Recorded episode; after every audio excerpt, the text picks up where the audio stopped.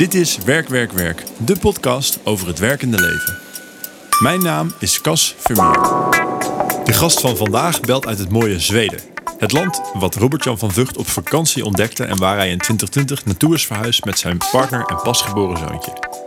Ondertussen werkt Robert-Jan als innovation manager bij Volvo, maar toen hij net aankwam in Zweden besloot hij thuis te blijven om de zorg voor zijn zoon op zich te nemen. Zo start zijn leven in Zweden als echte lattenpapa, die in het bos wandelt met zijn kind en kleertjes uitzoekt in de H&M. In ons gesprek duiken we dieper in het ouderschapsverlof. Want wat doet het met je gevoel van identiteit als je een tijdje niet werkt? En zouden niet alle jonge vaders zo'n langdurig verlof moeten overwegen?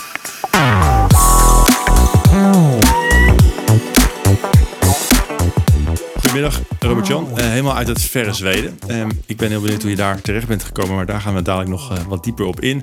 Voor we dat doen, zou je kunnen vertellen wie je bent en wat je doet? Tuurlijk. Ehm, superleuk trouwens om hier te kunnen zijn. Ehm, mijn naam is Robert-Jan. Ik ben 37, bedenk ik me nu. Ja, eh, volgende maand jarig. ik woon inderdaad in Zweden. Ehm, ik heb een zoontje van drie. ik woon samen. en op dit moment werk ik bij Volvo Group. Dus dat is uh, een bedrijf dat, dat je moet kennen van de vrachtwagens en de construction equipment en de boten misschien wel of de bussen. Cool. En, en wat heb je qua studie gedaan? Uh, technische bestuurskunde in Delft. En daarna, dus hoe ben je eigenlijk van de studie naar Volvo ongeveer qua carrière? Uh, nou, als we, als we toch lekker helemaal bij het begin gaan beginnen. Uh, ik ben werktuigbouwkunde gaan studeren in Delft. Met het idee uh, dat ik gewoon heel graag wilde weten hoe alles in elkaar zat. Weet je, ik was zo'n kind dat dan uh, de radio had gesloopt en die dan matig in elkaar kregen daarna. Ja, nice. En na één jaar werktuigbouwkunde realiseerde ik me dat ik weliswaar van alles wil weten hoe het werkt. Maar dat werkgebouwkunde eigenlijk vooral ging over het optimaliseren van uh, bestaande systemen. En dat vond ik ook niet zo heel leuk.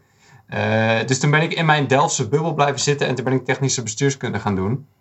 Uh, en voor mensen die dat niet zoveel zegt, hè, dat is dus bestuurskunde gecombineerd met eigenlijk een ingenieursdiploma. Dus je kiest een specialisatie, in mijn geval duurzame energie.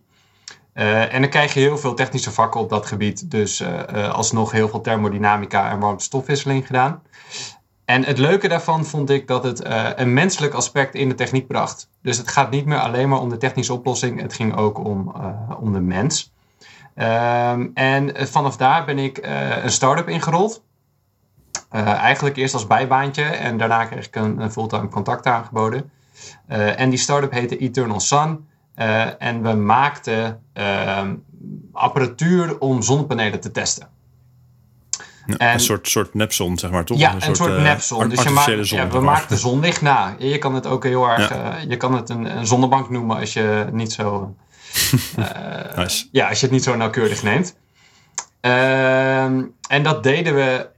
Dat begon rond 2012. En dat was eigenlijk precies rond de hype van zonnepanelen in China. Dus we zijn ja. toen een beetje met onze neus in de boter gevallen. dat heb ik zeven jaar lang gedaan. In allemaal verschillende functies op allemaal verschillende plekken. Uh, en daarna ben ik bij Yes Delft gaan werken. En Yes Delft is de incubator van de TU Delft. Dus ik was weer terug op de campus, waar ik dacht natuurlijk nooit meer terug te gaan komen. Uh, en dat heb ik drie jaar gedaan. Uh, ik ben daar weggegaan als operationeel directeur. En um, toen ben ik naar Zweden verhuisd. en in Zweden heb ik eerst, even denken, bijna twee jaar vaderschapsverlof gehad. Uh, dat was ook uh, midden in uh, COVID. Dus dat was, zeg maar, ja. we zijn verhuisd in maart 2020. ben ik twee jaar thuis geweest met, met mijn zoontje. En daarna ben ik sinds, nou, wat is het nu, zes, zeven maanden aan het werk bij Volvo. Ja, cool. Er is al een hele reis vooraf gegaan aan deze, deze positie. Ja. Zijn er nog in een soort parallele wereld had jij nog wel eens misschien een hele ander carrièrepad willen volgen, wat, er nu helaas niet meer naast komt, maar misschien nog wel eens ooit zou willen doen? Nou, uh, er zijn er twee, uh, waarvan er één uh, misschien niet zo helaas is. Ik heb heel lang gedacht dat ik een strategy consultant wilde zijn. Uh, en daar was ik ook echt voor op het soort van voorsorteerde op een gegeven moment. Met van die business cases die je dan kon doen en zo. Ja. Totdat we op een gegeven moment een keer ergens in onze master een discussie hadden. En toen zat er iemand in mijn groepje en die zei: Ja, consultants. Die zijn toch gewoon de hele dag andermans problemen aan het oplossen. Weet je, zo van, ja, je krijgt wel goed betaald, maar je bent alleen maar aan het powerpointen en je bent alleen maar bezig met de issues van iemand anders. Nou, mij niet gezien, ik wil gewoon mijn eigen problemen oplossen. Ja. dat is wel echt blijven zitten. En toen, toen die start-up, zeg maar, zo als een parttime studentenbaantje op mijn pad kwam. Ja, toen dacht ik op een gegeven moment ook wel van... hé, hey, ja, dit is inderdaad toch wel leuk, hè? Je eigen, je eigen problemen oplossen. ja, en dan zie je ook het resultaat van de oplossing natuurlijk. Je ziet het resultaat van de oplossing. Je blijft lang genoeg hangen om ook te zien dat de oplossing verzinnen niet het moeilijke deel is. Maar het is natuurlijk het implementeren van die oplossing wat zo lastig is. Uh, dus toen ben ik wel echt gewoon ja, heb, ik dat hele consultancy een beetje overboord gezet en gedacht: nee, dat, dat ga ik echt nooit doen. Uh, een ander pad wat ik hoop nog wel ooit te bewandelen is om gewoon voor mezelf te beginnen. Uh, maar tegengesteld dat wat veel mensen dat, dat doen, zeg, nadat ze net afgestudeerd zijn, hoop ik dat gewoon lekker op mijn vijftigste, 55ste te doen.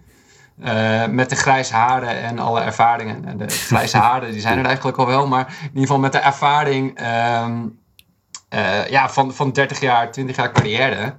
Uh, ja, om dat iets een hogere kans van slagen te geven. En misschien ook met een iets gezondere soort van uh, werk-privé-balans tegen die tijd. Ja. dus dat hoop ik nog zeker wel nog een keer te gaan doen. Ah, vet. En bedoel je dan met voor jezelf beginnen in een soort van ZZP-constructie voor jezelf? Of bedoel je dan meer de, de start-up route? Oh nee, de start-up route. Nee, echt een bedrijf starten. ik heb een tijdje tijdens het vaderschapsverlof ernaast gezet uh, en uh, dat is niet mijn ding. Ik moet wel mensen om me heen hebben. Ja, cool. Nou, dat zijn denk ik mooie ambities om nog, uh, om nog waar te maken. Um, laten we vooral, wat ik heel interessant vond, dat jij een tijdje geleden best wel een radicaal besluit hebt genomen in je leven om dus naar Zweden te verhuizen. Uh, misschien goed om, uh, ja, als je daar nog iets meer context bij kan schetsen, van wat was voor jullie de reden eigenlijk om dat te gaan doen? Ja, dat is wel een goede vraag. Um, en dan moet ik eigenlijk een jaar of tien terug, denk ik. Uh, toen had ik net een, een relatie met, uh, met de dame waar ik nu mee samenwoon. En toen was het op een gegeven moment de vraag van, ja, gaan we, eh, gaan we op zomervakantie?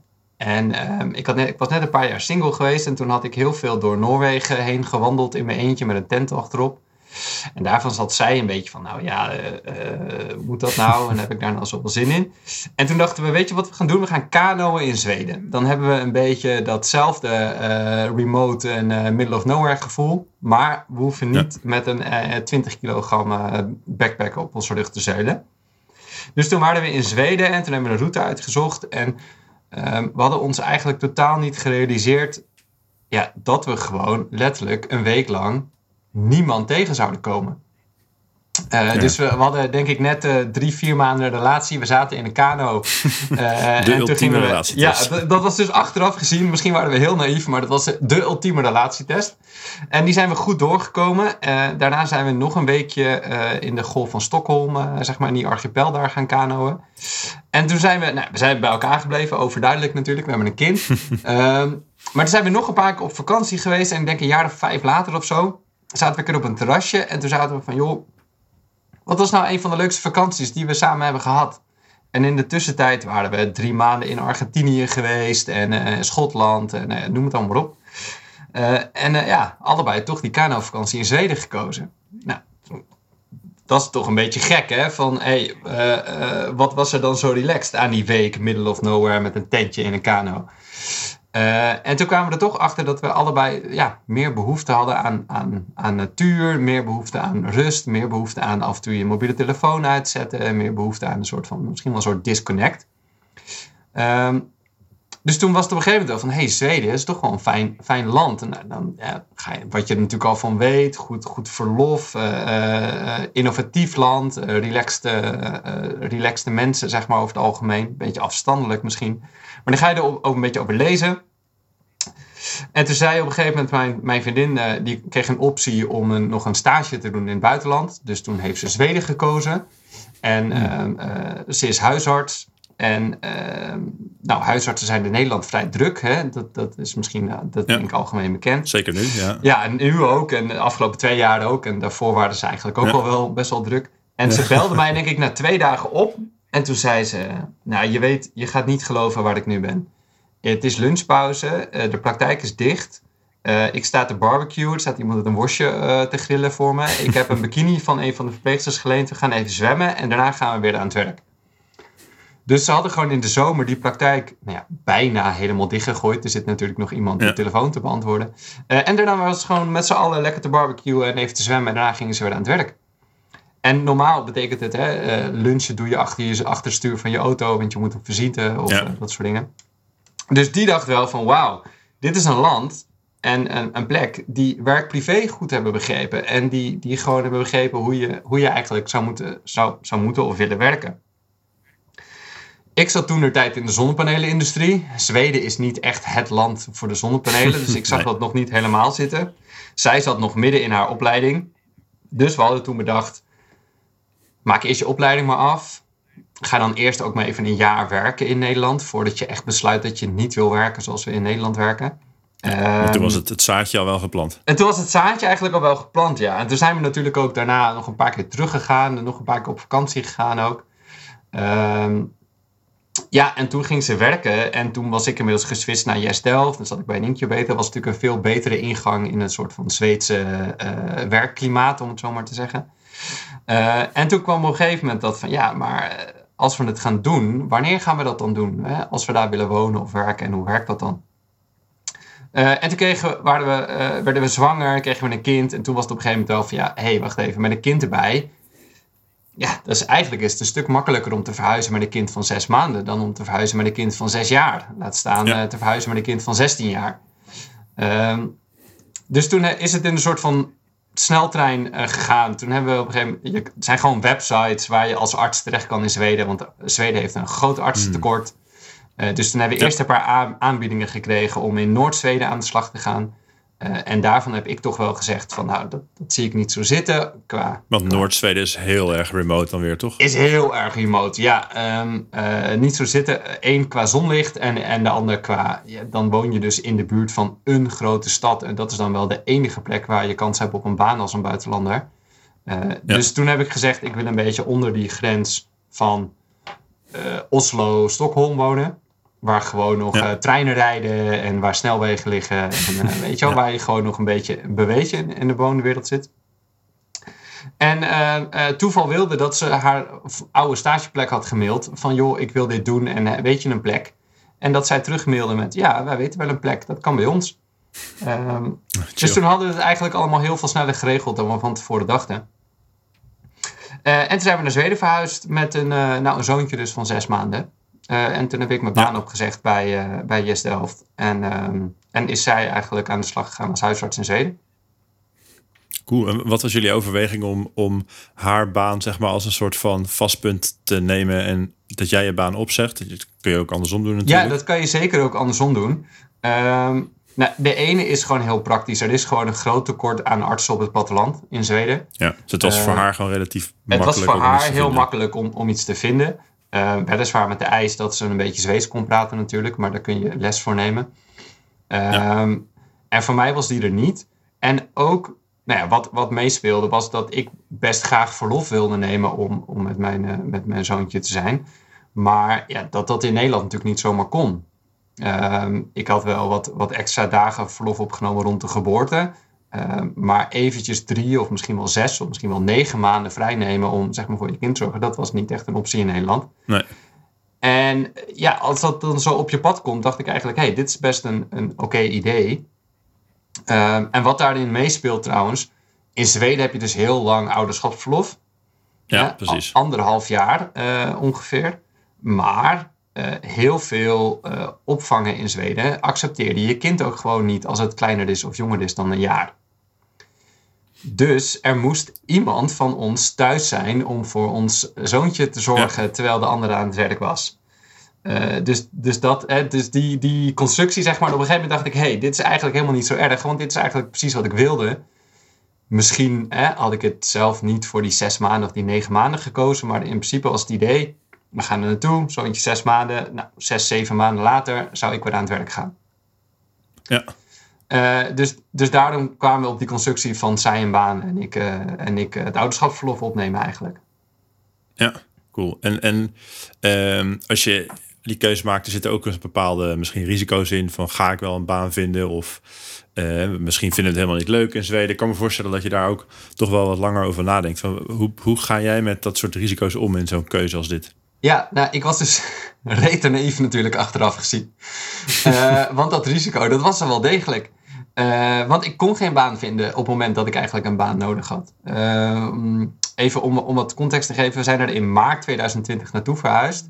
En, dat is echt eh, precies, zeg precies, maar, de precies. corona Ik zal je de, de, de corona-ellende besparen van landen die hun grenzen dichtgooien en vluchten die worden gecanceld op het moment dat je letterlijk gaat verhuizen. Maar het is allemaal goed gekomen.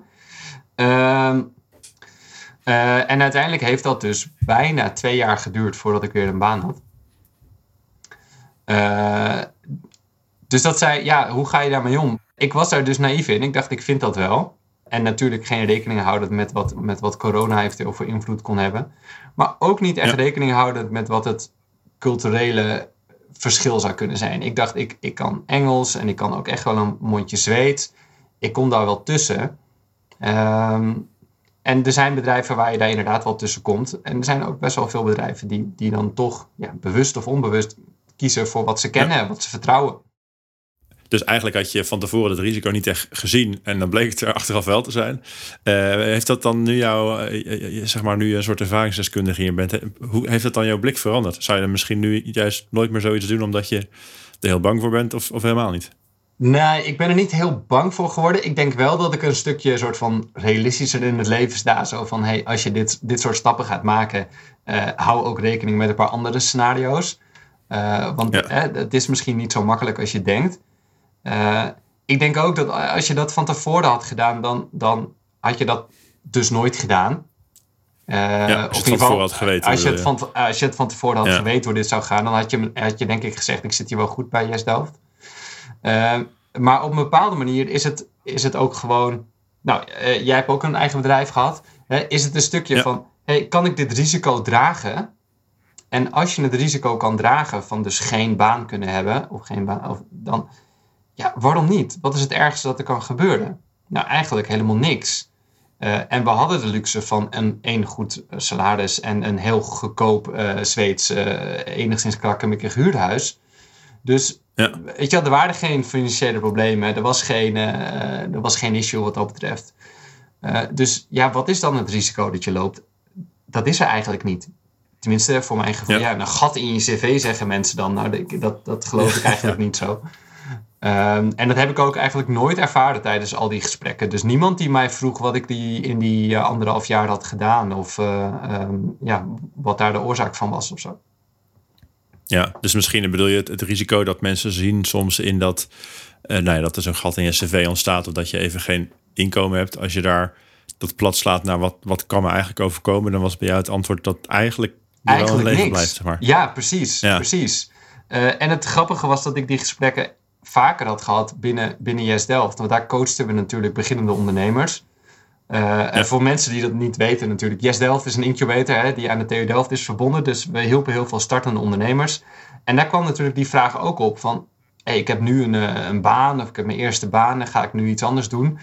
Eh, en dat was eigenlijk altijd de vraag... Wat is nou het ergste dat er kan gebeuren? Hè? stel je start je bedrijf en je zet het op... en je komt er na zes maanden achter dat het toch niet werkt. Ja, nou eigenlijk niks eigenlijk niks aan de hand. Ja, nou, ik heb een spaarpotje, kan in mijn huis blijven wonen. Of ik zit gewoon nog in mijn, in mijn oude studentenhuis, zeg maar, wijze van spreken. Dus mijn maandlasten zijn Ja. er eigenlijk niet. Ik heb geen auto. Wat is het probleem? Nou, dat is er niet. Ja, Eh, en dit was een beetje zo'nzelfde soort, soort scenario. Van, hey, eigenlijk hebben we dat geld niet nodig. Nou ja, ik, ehm, ik heb mijn studielening afbetalingen even stopgezet. Weet je, wel, dat is ongeveer de grootste impact, denk ik, die het, Ja, eh, precies, die het heeft nou. gehad. dat, is, eh, dat zouden we allemaal wel willen. Ja, Ja, cool. Dus dan is het inderdaad, dus je moet eigenlijk het, zeg maar, het subjectieve gevoel bij, die, bij dat risico past misschien niet helemaal bij de objectieve werkelijkheid van eh, hoe groot het eigenlijk is. Nee, ik denk, dat, ik denk echt dat dat, dat dat het geval is. Dat we dat onszelf, zeg maar, een soort van aanpraten. Van dat, dat je baan opzeggen, gewoon in het algemeen überhaupt, dat dat al een, een heel groot risico is. Want wat als je niks anders vindt of zo? Ehm, en Ja. dan ook dat, dat verhuizen naar een ander land. Ja, wat is het risico? Nee, eh, dat we na drie jaar zeggen, het was toch niet leuk. En dan pakken we onze spullen weer en dan komen we terug. Nou ja, dan Ja. ben ik dus wat verhuiskosten kwijtgeraakt. Nou, eh, Oké, weet je, dat is volgens mij ook ja. zo be it. Dat is zo'n, eh, weet je wel, leuke, leuke drie jaar geweest. Dus ook daar zagen we eigenlijk niet zo'n niet zo'n risico. En je zei net zo van als het nou niet leuk is, dan moet je na een paar jaar besluiten van nou, het was niet, het, was, het is niks, we gaan weer terug. Heb je ook dan met je partner daar gesprekken over dat je af en toe even reflecteert van wat vinden we er nu eigenlijk van? Ja, nee, zeker wel. Ehm, we hebben van tevoren al heel duidelijk gezegd van ehm, we gaan voor altijd. Maar als het toch niet leuk blijkt te zijn, dan gaan we ook niet een hele hoge barrière opwerpen om terug te gaan. Uh, Een beetje tegenover de, het idee van we gaan voor drie jaar en als het dan heel leuk blijkt te zijn, dan blijven we misschien wat langer. Ja, ja? want dan ga je natuurlijk ook nooit in, in lange termijns investeringen. Nee, precies. Vriendschappen uh, opbouwen. Ja. Dat dachten we dus ook. Van hey, als we nu van tevoren gaan zeggen, we gaan voor een x aantal jaren, dan ga je dus niet uh, echt je in de Zweeds bekwamen. Dan ga je die vriendschappen niet opbouwen. Ga je misschien geen rol spelen in die community die er, die er is. Noem maar op. Dus we zeiden, we doen het andersom. We gaan gewoon voor altijd. Maar natuurlijk kunnen er redenen zijn om terug te gaan. Um, en ik denk echt dat ik uh, ja, één, twee, drie dagen voordat ik eigenlijk het aanbod kreeg van mijn, van mijn baan. Uh, want ook dat duurde wat langer dan ik dacht. Uh, ja. was een van de eerste keren dat ik echt dat ik even op de bank zat en dat ik zei: Ja, ik vind dit gewoon niet meer leuk. en als dit, als dit nog lang doorgaat, en ik weet niet echt wat lang dan betekent, maar dan wil ik ja. terug. Want weet je, ik, hier heb ik niet voor getekend. Ik vind het leuk om, om bij mijn zoontje te zijn en noem maar op. Um, en Zweden is eigenlijk ook heel leuk, maar ik moet wel werk hebben. Um, ja. Dus dat was wel, en zo hebben we wel meerdere momenten gehad hoor, maar dat was het enige moment waarop ik echt zei van hé, hey, als het zo doorgaat. Moet even wat veranderen. Ja, dan ja. moet er wel echt wat veranderen. En ik had natuurlijk wel eerder aangegeven dat ik het moeilijk vond om geen werk te hebben. Um, want dan kom je erachter dat werk toch best wel een groot deel is van, van wie je bent, hè? van je identiteit. Ja. En wie ben je dan als dat werk wegvalt? Um, en dat is, dan, dat, is, ja, dat is dan gewoon een soort interessant proces. En dat is ook niet altijd, was niet altijd vervelend. Maar ik merkte wel van hé, hey, ik wil een. Ik wil iets bijdragen aan de maatschappij. Ik wil een rol spelen daarin. Um, en niet alleen door een, een, middagje bij een bibliotheek te vrijwilligen of zoiets dergelijks. Uh, ik wil wel echt gewoon ja. significant bijdragen. Misschien klinkt dat een beetje overdreven vanuit een zeg maar, en uh, we zijn met 7 miljard mensen op de wereld en ik ga even significant bijdragen. Uh, maar er moet wat meer body achter zitten.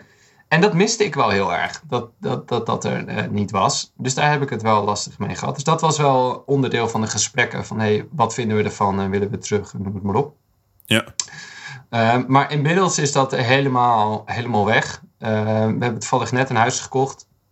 met, ja, ja, dat ook wel echt betekent. dankjewel.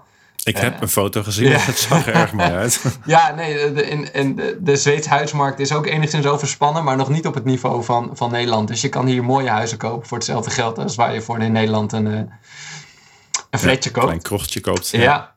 ja. Uh, dus nu, ja, we blijven wel gewoon voor, voor, ja, eigenlijk, ja, voor altijd. Ja, dus hebben jullie dan nu nog, uh, nog steeds dat je, dat je daar wel zeg maar, periodiek echt over spreekt? Of zeg je meer van nou in principe is het gewoon, het is goed zolang het goed is en, als het, en anders hebben we het er wel over? Ja, het, het, het komt nog wel eens omhoog. Uh, eens in de zoveel tijd gaan we een avondje weg en dan uh, zetten we mat bij een oppas en dan gaan we, gaan we even ja. uit eten of zo. En dan komt, dat soort dan komt het vaak nog wel even omhoog van hé, hey, wat vinden we daarvan en dan gaat het goed en dat soort dingen. Um, maar het is niet alsof het in onze agenda staat van hey, we moeten het even halfjaarlijks nee, bespreken. Uh, dus het is nu eerder van hey, als het goed gaat, gaat het goed. En dan, en dan hebben we het er verder niet over. Ja. Ja heel fijn dat, dat dat lijkt me ook een fijn uitgangspunt dat dat uh, prettig voelt. Je zei net al een paar keer dat je toen jullie net naar Zweden zijn verhuisd, dat je ook het, de zorg voor je zoontje bent gaan, bent gaan oppakken. Um, waarom heb je daarvoor voor gekozen? Omdat het misschien binnen de Nederlandse context eigenlijk wel bijzonder tot nu toe nog is. Ja, um, ja ik, ik denk eigenlijk bijna dat het teruggaat naar, naar mijn eigen ouders. Omdat um, uh, mijn, mijn ouders zijn, zijn heel uh, oud vader en moeder geworden. dus die hebben een hele carrière gehad voordat ze kinderen kregen. en vervolgens is mijn vader, denk ik, toen hij 55 was. Dus ik was toen een jaar of 10, 11 uh, kon hij stoppen met werken, omdat hij, uh, ze, de, de, twee bureaus waar hij werkte gingen mergen. En uh, toen de oudste mocht ja. eruit en hij, hij was overtallig. Dus hij kon met een goed, goede manier vertrekken.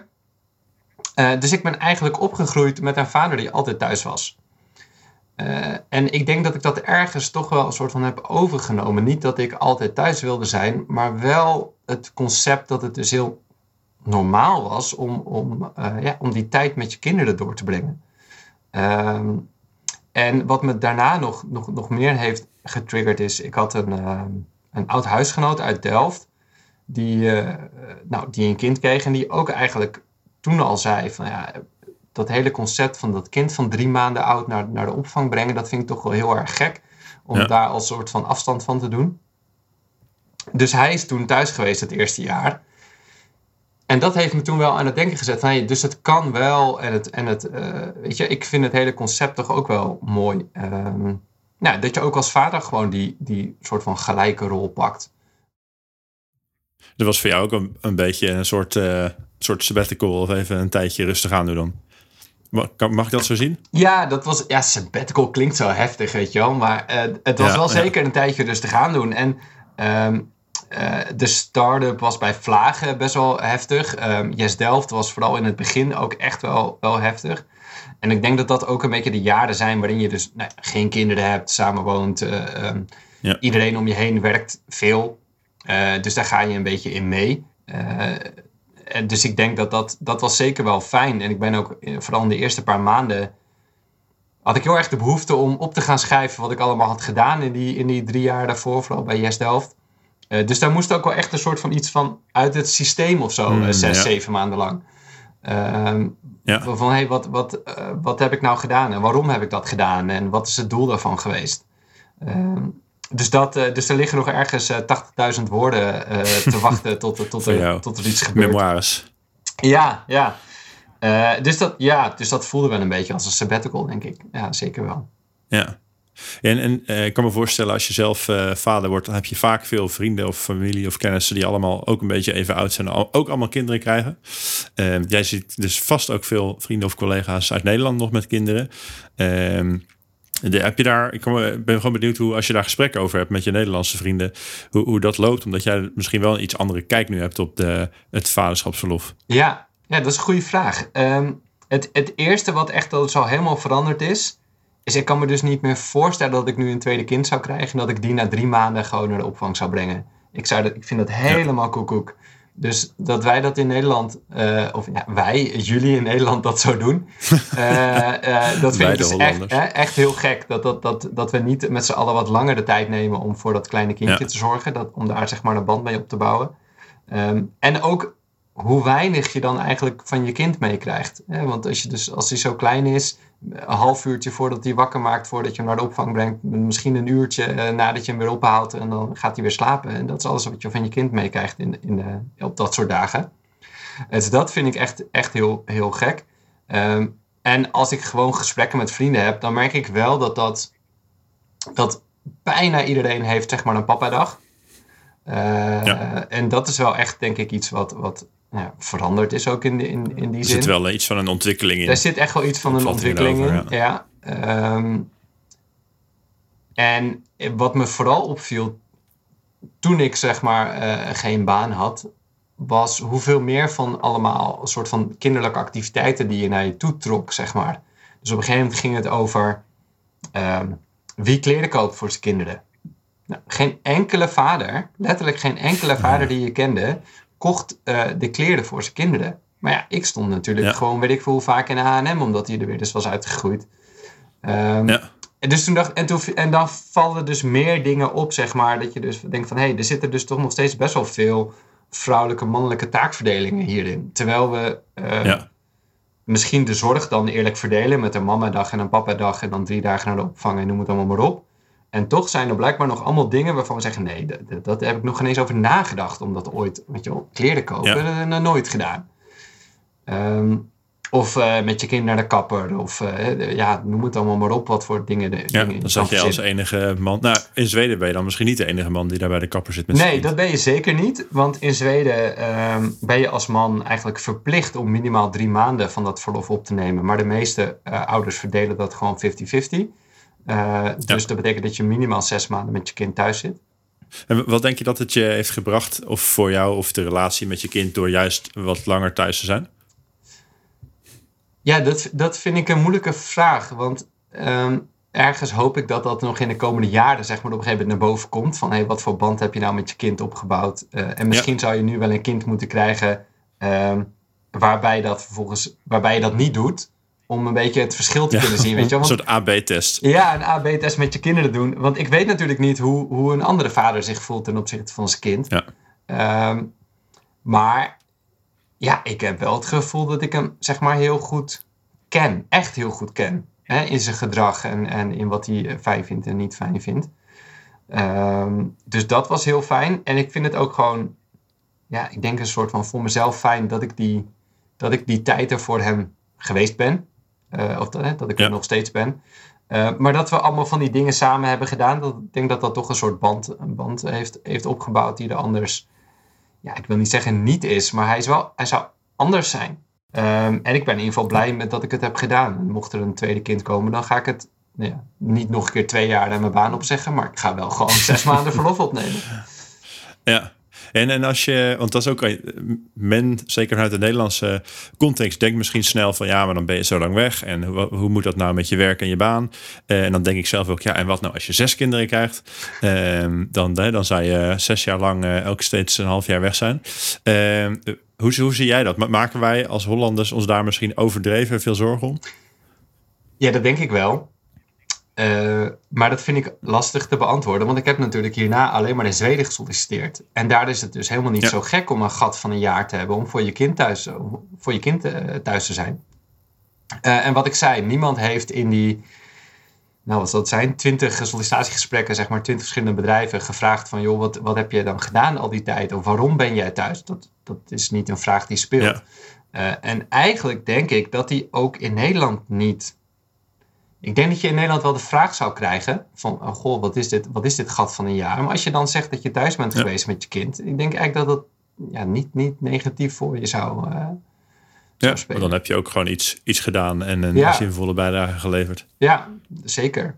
Um, en ik denk wel dat die in Nederland in die zin een beetje wordt onderschat. Als je zegt van, goh, wat voor lessen heb je hier nou uitgehaald? Dan is de, uh, hè, de les dat ik, dat ik naar de alleenstaande ouders kon kijken of naar uh, zeg maar moeders die dan thuis waren en kon denken: jij hebt het lekker makkelijk, zit je thuis met je kinderen. Nou ja, dat, dat is natuurlijk niet zo. Dit is echt wel heel uh, moeilijk om dag in dag uit thuis te zijn met je kinderen. Uh, zonder een soort van sociale afwisseling van je werk te hebben.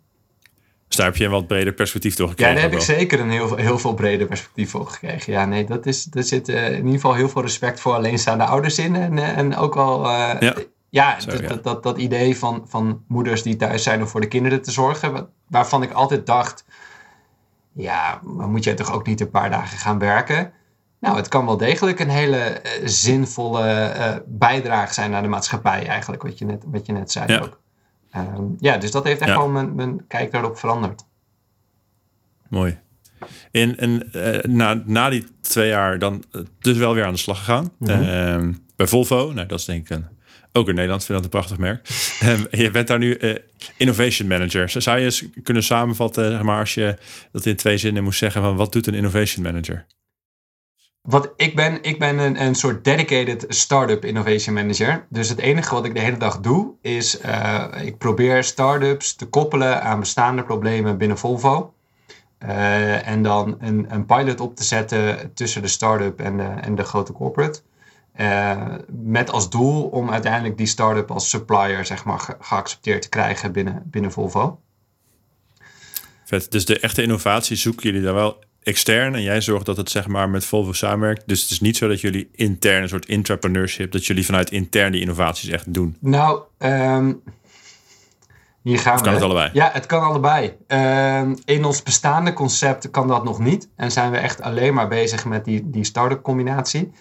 Um, maar toevallig gaan we binnen een paar maanden uh, ook een, een intrapreneurship track uh, zeg maar lanceren. Waar, waar, waar we die innovatie wel degelijk ook binnen zoeken. Um, ja. En waarbij we dan uh, spin-outs gaan creëren.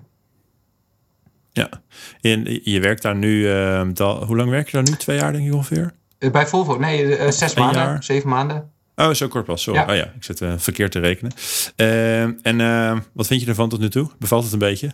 De Zweden kunnen dit niet verstaan, dus je kan eerlijk zeggen wat je ervan vindt. Ja, dat is heel aantrekkelijk, moet ik zeggen. Nee, ehm, bevalt het een beetje? Ja, het is, eh, het is... Het zit echt wel heel veel vlakken ook. Hè, van bevalt het, bevalt je baan? Ehm, Zweden ja, heeft echt een, een fantastisch werk-privé-balans. Uh, sinds ik bij Volvo werk, ik denk dat de aantal keren dat ik s'avonds nog even wat heb moeten doen, uh, die zijn, dat is op twee vingers te tellen. Uh, dus, dus, en ook het aantal e-mailtjes dat je s'avonds of in het weekend krijgt, het aantal telefoontjes, het is echt niet bestaand. Ik ben op vakantie gegaan, vier weken aaneengesloten. Nog zo'n fijne Zweedse gewoonte. In de zomer heb je gewoon vier weken aaneengesloten vakantie. en geen enkel berichtje op mijn, op mijn telefoon.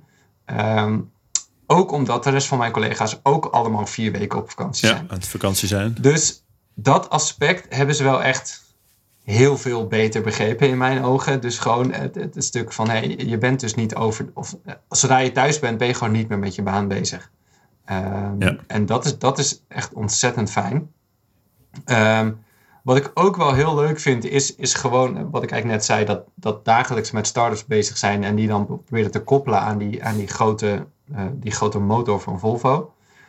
Uh, maar je hoorde natuurlijk al een beetje aankomen, denk ik. Ja, het is wel echt een heel groot en behoorlijk conservatief bedrijf. Dus uh, ik ben wel dagelijks bezig met, met ja, opmerkingen als: ja, hoor eens, wat doen we het al twintig jaar? Uh, en ja. alleen maar omdat de wereld nu aan het veranderen is, gaan we dat niet ineens veranderen. Want we zijn zo groot geworden op deze manier. En we, we blijven groot op deze manier. Als we het gewoon lekker blijven doen zoals we het al twintig jaar doen.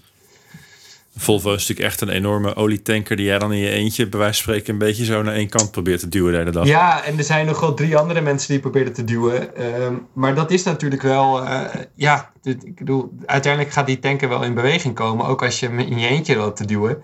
Uh, maar de, ja. ja. het is wel, je ziet het niet echt, hè? Wat ja, jij het kost veel energie kost en het gaat energie. waarschijnlijk in hele kleine stapjes. Klopt. Uh, en waar ik heel erg aan heb moeten wennen, als ik het dan vergelijk met zeg maar, de grote organisatie versus de kleine, is dat die in die kleine organisatie eigenlijk altijd de neuzen dezelfde kant op stonden. Dus je kon het niet echt met elkaar eens zijn, of je kon het niet eens zijn over de snelheid waarin je moest veranderen of welke kant je op ging. Maar je, je was het wel altijd eens over, we gaan in ieder geval naar het noorden toe, jongens, of we gaan naar het zuiden toe. Want daar, daar, ligt, het, ja. uh, daar ligt de pot met goud, zeg maar. Uh, en binnen zo'n grote organisatie kun je gewoon in situaties komen waarbij we allebei hetzelfde probleem zien. En dan echt letterlijk een, een 180 graden oplossing, zeg maar, benoemen. Uh, dus waar ik kansen zie, zien mijn, sommige van mijn collega's risico's. En echt zwart-wit is het wat dat betreft. Uh, dus af en toe kom ik een meeting uitrollen dat ik dan wel echt denk, nou, wat, wat, wat is hier nou net gebeurd? Wat is hier nou gezegd? Wat is dat nou? Waar komt dit gedrag vandaan? Wat is dit voor... Ja. Uh, dus daar heb ik heel erg aan moeten wennen. En dat is... Ja, ik weet ook niet in hoeverre dat Volvo is, of in hoeverre dat Zweeds is, of in hoeverre dat een groot bedrijf is.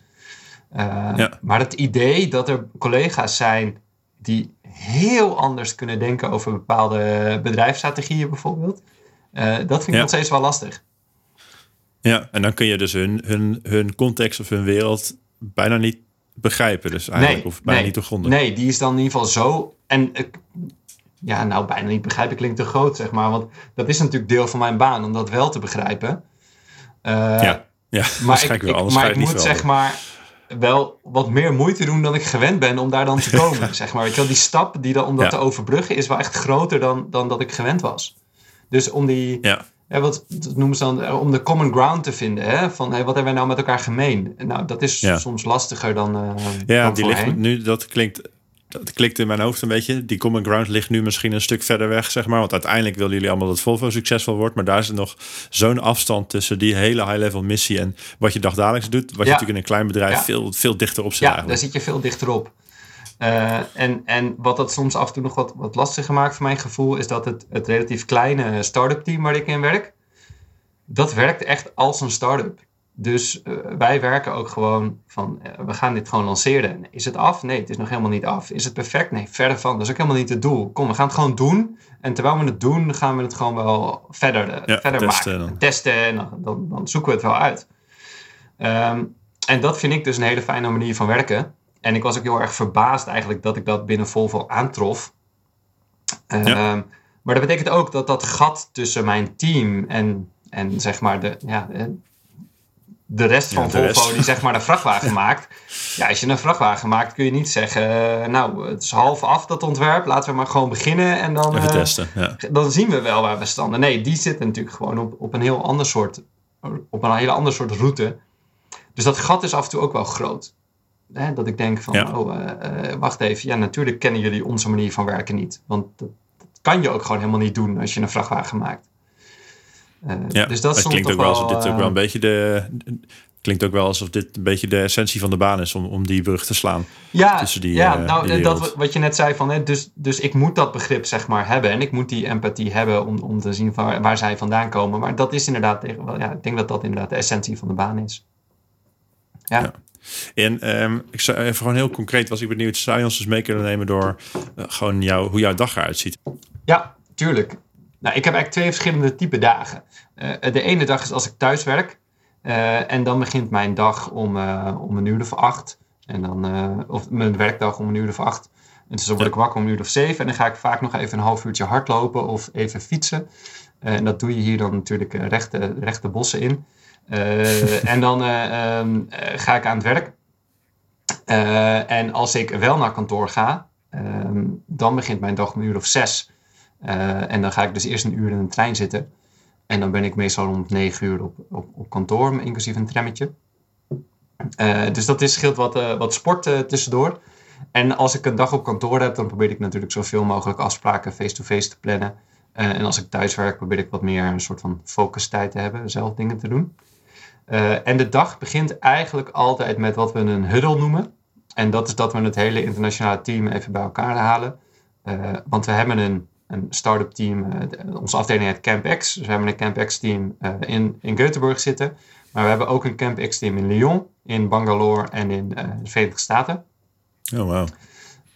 en het idee is, aldoende leert men. Dus we gaan dit uitrollen naar eigenlijk elke R&D-afdeling van Volvo wereldwijd. Dus dat, kunnen, ja. dat zijn er een stuk of 50 waarschijnlijk. Uh, dus we beginnen met een huddle om even een soort van te connecten van hey, wat, wat, uh, wat gaan we doen vandaag? Of wat zijn je uitdagingen? Of afhankelijk van het onderwerp en de dag bespreken we uh, nou, wat er nodig is. Dat duurt een half uurtje. En dan heb ik vaak een soort, uh, nou, ik neem je even door de maandag heen. Uh, op maandag heb ik een, ja. een wekelijkse meeting met de e-mobility afdeling van Volvo Group. Dus de Volvo Group die ervoor zorgt om eigenlijk alle trucks en construction equipment en bussen te elektrificeren. En dat is ook mijn, zeg maar, focusgebied. Dus ik zet alle samenwerkingen binnen e-mobility op. En um, wat we dan doen is eigenlijk continu de problemen binnen Volvo proberen op te halen. Uh, dus we zitten dan vaak met, met een paar engineers en een paar senior managers samen van hey, waar lopen we nu weer tegenaan? En hoe kunnen we dat goed scopen? Wat is het probleem achter het probleem, zeg maar? Of uh, wie zijn daarbij ja. betrokken? Um, dat soort dingen.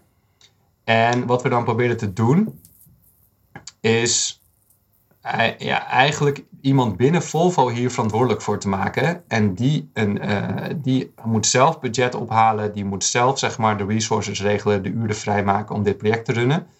En wij zijn een soort van, ja, noem het een dirigent. Dus ik zou nooit zelf dat instrument gaan bespelen. Uh, maar ik kan er wel bij staan en tegen hem of haar zeggen: je moet even iets harder spelen, je moet nu iets zachter spelen, je moet even, even adempauze nemen en dan kun je er daarna weer te hard tegen aanknallen. ja. uh, dat is een beetje onze, onze taak.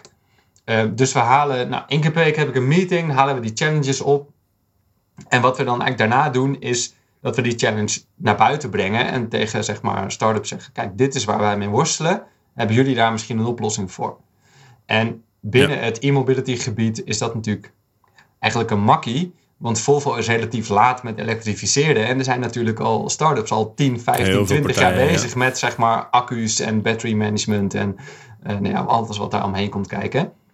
Dus uh, uh, nou, zo'n vergadering duurt vaak een uur. En vaak hebben we daarna één of twee start-up pitches.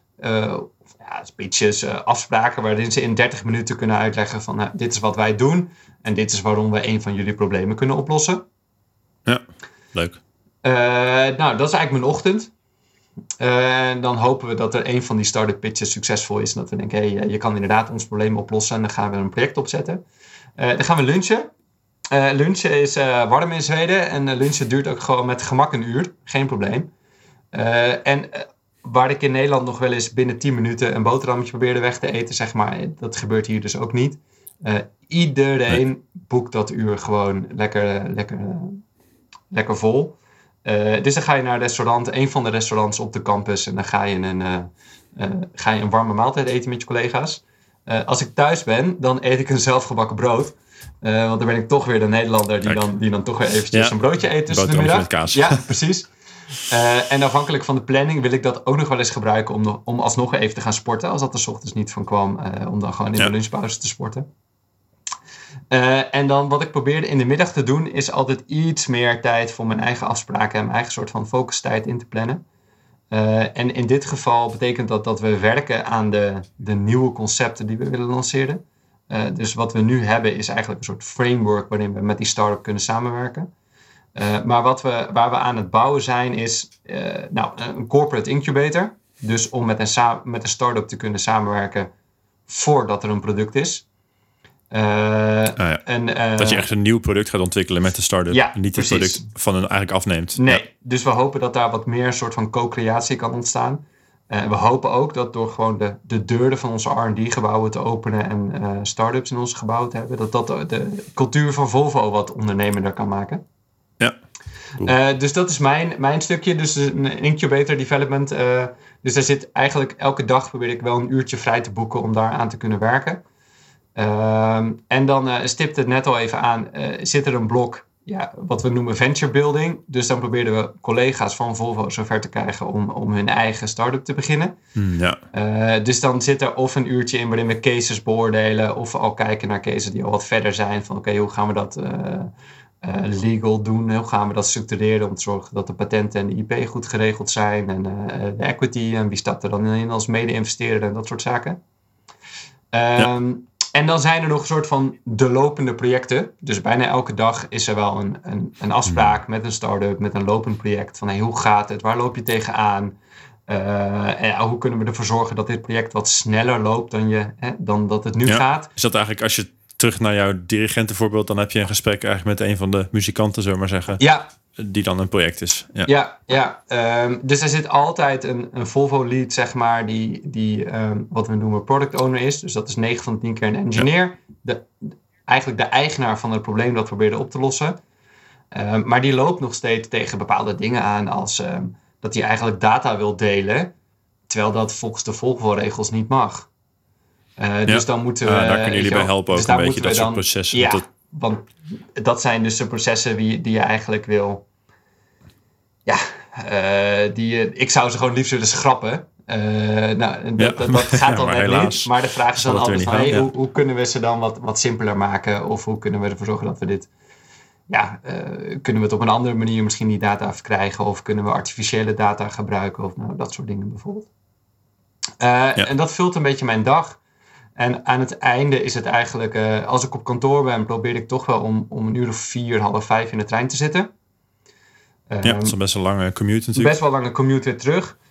Uh, en niemand kijkt daar eigenlijk ook gek van op, want in principe wordt er in Zweden tot een uur of vier gewerkt. Als je tot vijf uur op kantoor zit, dan ben je het laat aan het maken. Uh, dus ja. als ik om half vier of om vier uur een trein pak, dan is dat helemaal oké. Okay. En in de trein werk ik vaak of mijn e-mail nog bij of, of probeer ik een boek te lezen. Uh, ben ik thuis, werk ik wel gewoon vaak tot, tot vijf uur door. Dan haal ik op die manier ook een beetje de uren in die ik, uh, uh, die ik soms mis als ik, als ik zeg maar in de trein zit. Um, ja. En dan is het vaak rennen om, om ons zoontje op te halen. Want ook de kinderopvang gaat hier gewoon strak om vijf uur dicht. Nou ja, die mensen die willen ook om vier uur. De, ja, die willen gewoon om, om vier uur. Ja, nee, dus dat die einde werkdag om een uur of vier is, is, is wat normaler. Ja. Uh, en ik denk dat onze opvang... Beginnen de meeste Zweden ook iets vroeger? Ja, ze beginnen door vroeger. het licht komt, ja, maar. Ja, ja. ja. Uh, dus gewoon een vroeg, vroeg beginnen en vroeg eindigen is hier een beetje de standaard. Dus je standaard werkdag is, is ook meer van 8 tot 4 dan het Nederlandse 9 tot 5. Ik was ook benieuwd, uh, als je een beetje kijkt naar het financiële plaatje. Dus in, in Zweden, um, is het leven kun je dat vergelijken met Nederland qua de, cost, cost of living, zeg maar? Ligt dat heel anders? Um, het ligt niet heel anders. Uh, maar het is. Ik, wij dachten in eerste instantie: oh, dit kunnen we echt bijna één op één kopiëren. Uh, maar zo simpel is het ook weer niet. Um, ik denk dat salarissen ongeveer vergelijkbaar zijn met in Nederland. Ik denk dat je in, in Zweden ietsje meer verdient uh, in principe. Ja. Uh, maar wat het wat, verdien jij ongeveer als, als innovation manager? Ja, we hadden het, je, je had me voorbereid op deze vraag en je vroeg van, wat is modaal salaris? En dat moest ik toen even opzoeken. Maar ik denk dat ik ongeveer tussen 2,5 en 3 keer modaal verdien. Okay. Um, dus ik denk dat dat een, een goed salaris is. Um, maar... Ja, ja, en jouw vriendin is ook nog huisarts natuurlijk, ja, dus jullie hebben gewoon een, chille, chill inkomen. Wij hebben een fijn inkomen, zeker. Um, maar uh, de belastingen liggen hier ietsje hoger dan in Nederland. Uh, ja. Niet zo gek veel, maar wel een paar procent uh, op alle schalen. Um, maar daar krijg je ook alweer wat meer voor terug. Want kinderopvang is hier dus gratis. ik denk dat wij, en nu gaan Nederlandse ouders echt helemaal zich kapot lachen. ik denk dat wij 90 euro per drie maanden betalen of zo. Ja, uh, dus, ik heb in Nederland, ik heb zelf geen kinderen, maar ik hoorde wel eens mensen verklaren dat is echt schreeuwend duur. Ja, dat is gewoon heel duur. Um, en dan gaat dat denk ik in Nederland ook gratis worden ergens in de verre, verre toekomst, tenminste. Voordat het, het energiecrisisspook rondging en uh, het inflatiespook. Uh, maar dat is hier dus al, al gratis. Dat scheelt echt de smak met geld. Um, wat ook heel veel geld scheelt, is een huis kopen hier. Huizen zijn gewoon goedkoper. Uh, behalve uh, in de grote steden. Daar zijn de, ste daar zijn de prijzen, denk ik, vergelijkbaar met zeg maar, Amsterdam, Stockholm, ja. Göteborg, Rotterdam. Uh, maar hier op ja. het platteland is, het, is het echt een stuk goedkoper. Um, maar heel veel dagelijkse dingen zijn een stuk duurder. Boodschappen zijn echt een stuk duurder. naar de kapper gaan is een stuk duurder. Een, een loodgieter is een stuk duurder. Een timmerman is een stuk duurder. Um, kleding is een stukje, een stukje duurder. Um, ja, dus, dus als je dat zo naar je hele plaatje kijkt, dan komen we eigenlijk niet zo gek anders uit. Um, want wij kunnen met gemak um, ja, voor 200, 250 euro per week boodschappen doen. Ja. En, um, ja, dus dat is wel, betaal je wel echt een flinke premium ten opzichte van de, de Hollandse boodschap. Ja, ik schrok me daar de eerste paar maanden wel iedere keer eh, ja, het, het, het laplazen. Dus als ik dan dat bonnetje weer zag. Uh, en deels ja. omdat je dan je gedrag gewoon nog niet zo hebt aangepast. Want uh, in Nederland, ja, we, kochten, we kochten, deden gewoon boodschappen zonder eigenlijk op het, op het bonnetje te kijken. Um, en daar werd je hier dan wel wat bewuster van. Maar ook gewoon omdat ja, omdat ze denk ik ook hier weer anders naar, naar bijvoorbeeld boodschappen kijken. Zeg maar naar, naar eten kijken en naar, naar, de, naar vlees kijken. Zo is het hier bijvoorbeeld heel lastig om vlees te kopen dat niet uit Zweden komt. Ja. Maar dat betekent wel dat het vlees dus heel veel duurder is uh, in Zweden dan ja. dat het in Nederland is. Om een voorbeeldje te noemen. Ja, cool. Nou, interessant om die, ook die verschillen in... Uh, want ook dat verandert natuurlijk dan wel mee als je je leven zo uh, omgooit. Om dat ook te horen. Ja. Um, ik ga al een klein beetje richting uh, de afrondingen, Robert-Jan. Um, een van de vragen die ik, waar ik eigenlijk vaak mee eindig is... Um, als je nou een beetje... Als je nou de, ervaring die je nu hebt gedaan... Sinds eigenlijk je afstuderen, al die verschillende banen... nu het hele verhuizen, het emigreren, het vader worden... Als je die kennis meeneemt en je zou jezelf, uh, je, je net afgestudeerde zelf, nog eens even een tip kunnen geven of iets waar je misschien vroeger moeite mee had, wat je nu hebt geleerd, hoe je daarmee om moet gaan. Wat zou nou, uh, wat zou, welke wijsheid zou je jezelf meegeven?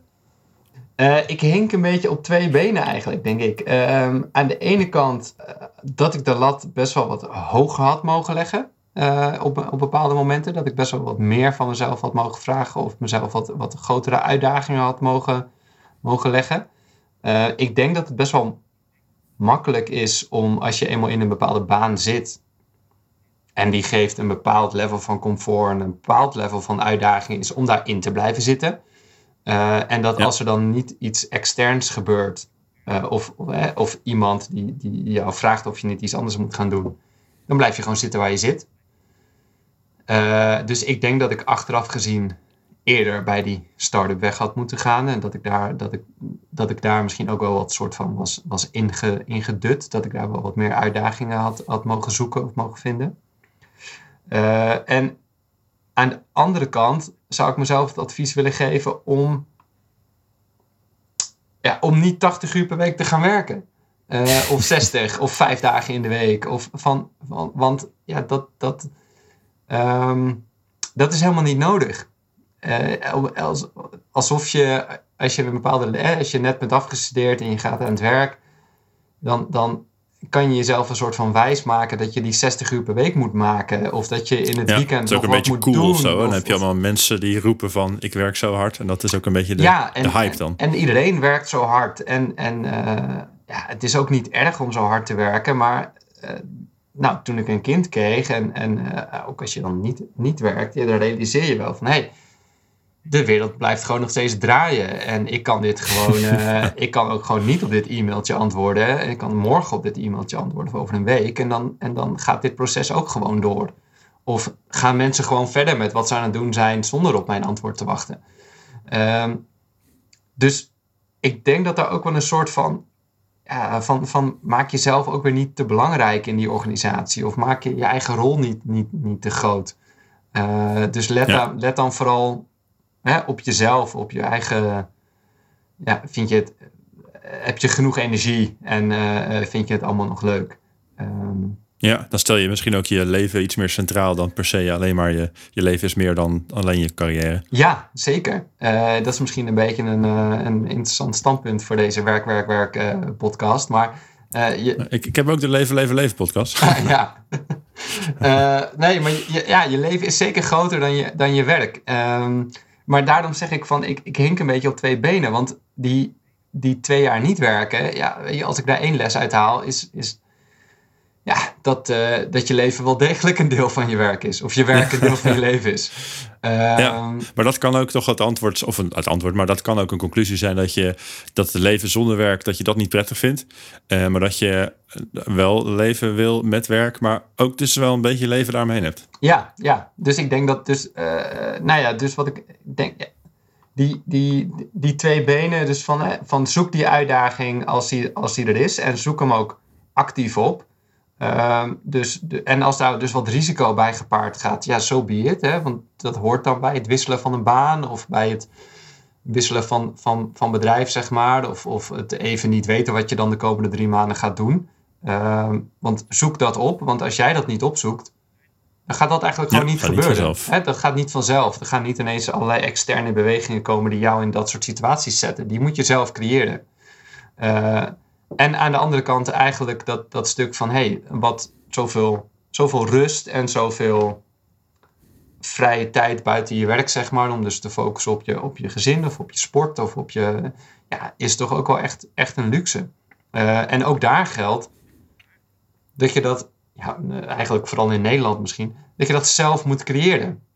Weet je, niemand gaat dat voor ja. jou doen. Um, en, en als je dat dus niet actief doet, dan werk je gewoon vijf dagen in de week. En dan werk je dus gewoon die 60 uur.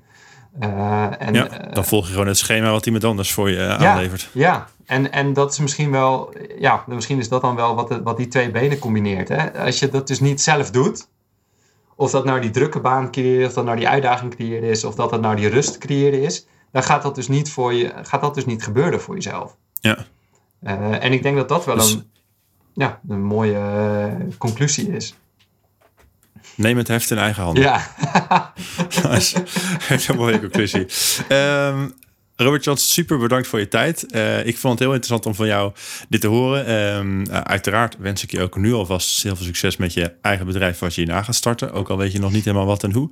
Um, en dan uh, interview ik je graag opnieuw tegen die tijd. Um, als mensen jou nog iets willen vragen of interesse hebben in het emigreren naar Zweden, iets meer bij Volvo willen weten, kunnen ze via LinkedIn jou altijd even opzoeken en een berichtje naar je sturen. Ik zal een linkje naar je profiel in de, de show notes zetten. en dan wil ik je voor nu vooral heel hartelijk bedanken. Ja, uh, dankjewel uh, uh, dat, ik hier, dat ik hier kon zijn. En nou, het is heel, heel grappig hoe jouw vragen dus een soort van dwingen om te reflecteren. Want het is natuurlijk toch een hele, hele interessante periode van mijn leven geweest. Oh ja, om dan daar even aan terug te denken en te denken van... hé, hey, ehm, ja, wat, wat is zijn nou de beweegredenen geweest? Dus ja, ik denk dat dat wel... dankjewel daarvoor. Bedankt voor het luisteren naar deze aflevering van Werk, Werk, Werk. De podcast over het werkende leven. Op de website werkwerkwerkpodcast.nl vind je een samenvatting en links naar bronnen uit dit gesprek. Ook kun je je daar aanmelden voor de nieuwsbrief, zodat je nooit een aflevering hoeft te missen. Daarnaast hoor ik heel graag wat je van deze aflevering vindt en wie ik nog meer zou moeten spreken. Laat het me weten in een review in je favoriete podcast-app of stuur een berichtje via de website werkwerkwerkpodcast.nl. Dankjewel. Bye.